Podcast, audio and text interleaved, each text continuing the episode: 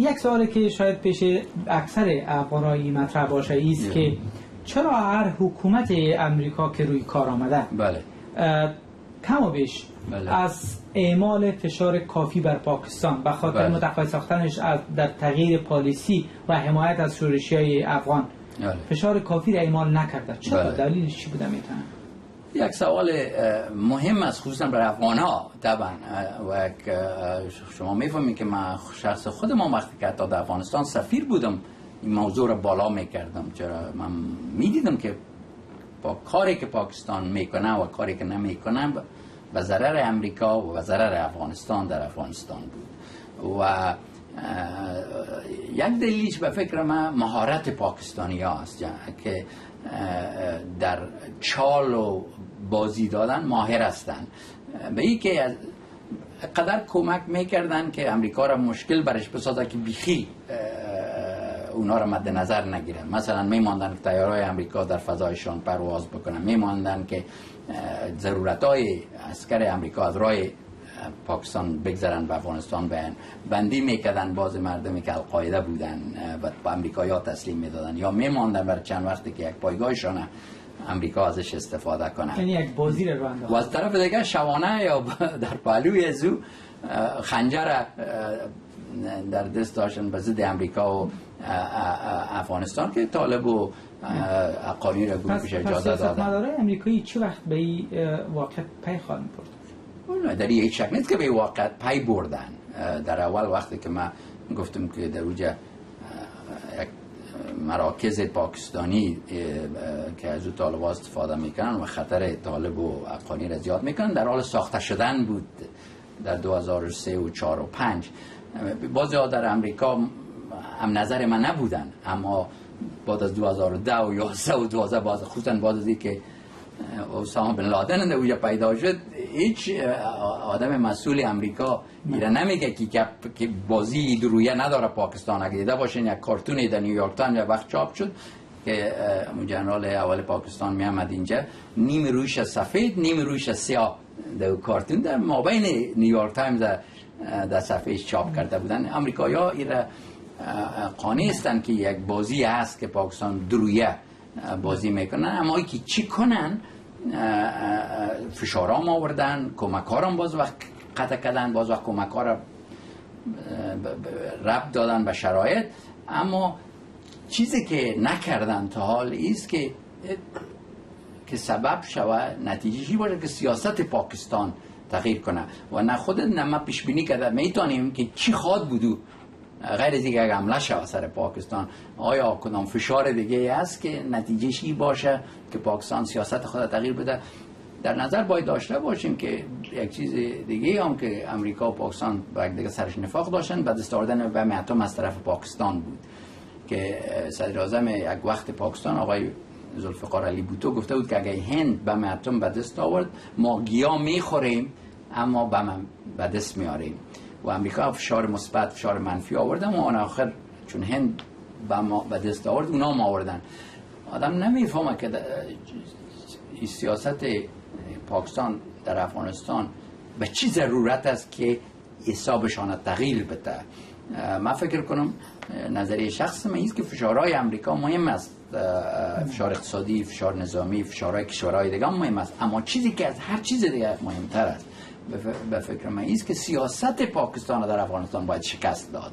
و او معنایش است که افغانستان قدر قوی ساخت که مداخله پاکستان برش بسیار قیمت تمام شود. و این یک چیزی است که ربط داره به سیاست امریکا و همچنان به سیاست حکومت افغانستان. در رابطه با می صحبت اخیرتان در پس از حملات اخیر در کابل بله. رئیس جمهور غنی اه، سخنرانی ایراد کرد و از پاکستان خواست که دیگه از وا توقع نداره که طالبان را به میز مذاکره بیاره بلکه از وا می‌خواد که طالبان را سرکوب بسازه. بله. و یک این موضوع گیری جدی آقای غنی در قبال پاکستان و طالبان به نظر شما چقدر مورد تایید است؟ خب این خب از سال هاست که ما میگیم و دنیا میگه که باید سرکوب بسازه. طالبایی که در خاکش است گروپ حقانی که در خاکش است و گروپ حقانی گروپ تروریست شمرده شده از طرف بسیار کسا. خو یک گپ نو نیست که باید ولی یک گپ نو بود که. دیگر از افغان از پاکستانی توقع را قطع کرد که طالب به میز مذاکره خب خوب است این گپ گرچه داشتن این توقع خودش به اصطلاح یک امید بود. و ما طرفدار هستم از کوشش دکتر اشرف غنی که پاکستان قانع کنه که در سیاست خود به کمک با طالبا تغییر بیاره. اما ما از ابتدا هم خوشبین نبودم که تنها با خواهش و با سفر و با صحبت این کار صورت می‌گیره. شما حتما متوجه صحبت های ما بودین در چند ماه گذشته. فکر کنم که پاکستان وقت این کار می‌کنه که دوام از این کار وقت به ضد از اونا تبدیل بکنه.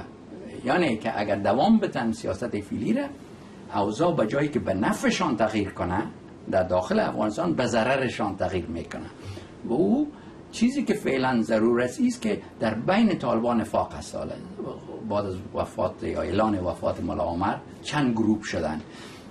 حکومت افغانستان دو کار باید بکنه. یکی ای که نفاق داخل طالبا را ازش استفاده بکنه. یه را وسط بده. اه، اه، طالبا را مجبور توجه به یکدیگه بسازه در جنگ داخلی خود اینا مشغول شوند و با یکیشان بعد از دیگهشان اه، تفاهم به وجود بیاره یک هسته امریکایی و افغان باید بر از این کار ساخته شود و این این مرکز منابع کافی داشته باشه که بتانه این رول ای خوب بازی بکنه.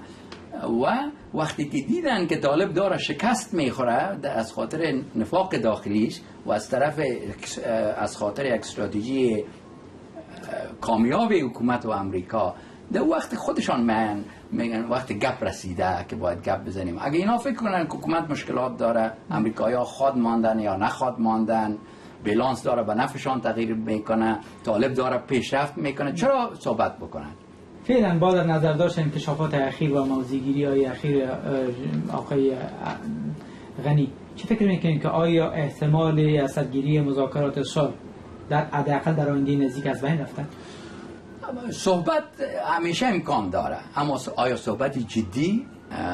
تاریخ بحث با پاکستان در افغانستان نشان میده که نمیشه بالای صحبت های مطبوعاتی و دیپلماسی از اونها حساب کرد.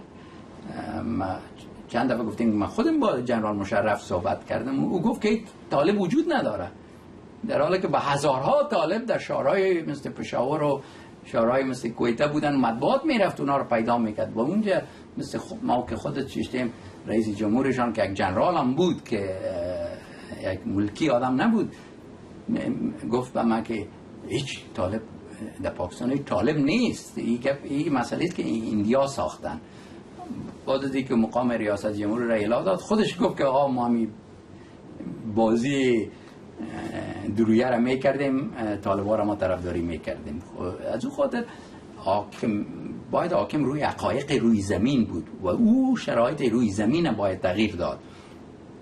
تا اونا به این نتیجه برسن که جنگ دارن میبازن و اگر فکر که جنگ دارن می‌برن هیچ وقت تقاضا یا تمنا یزیر نداشت که صلح به جای می‌رسه دشمن هیچ وقت از مش...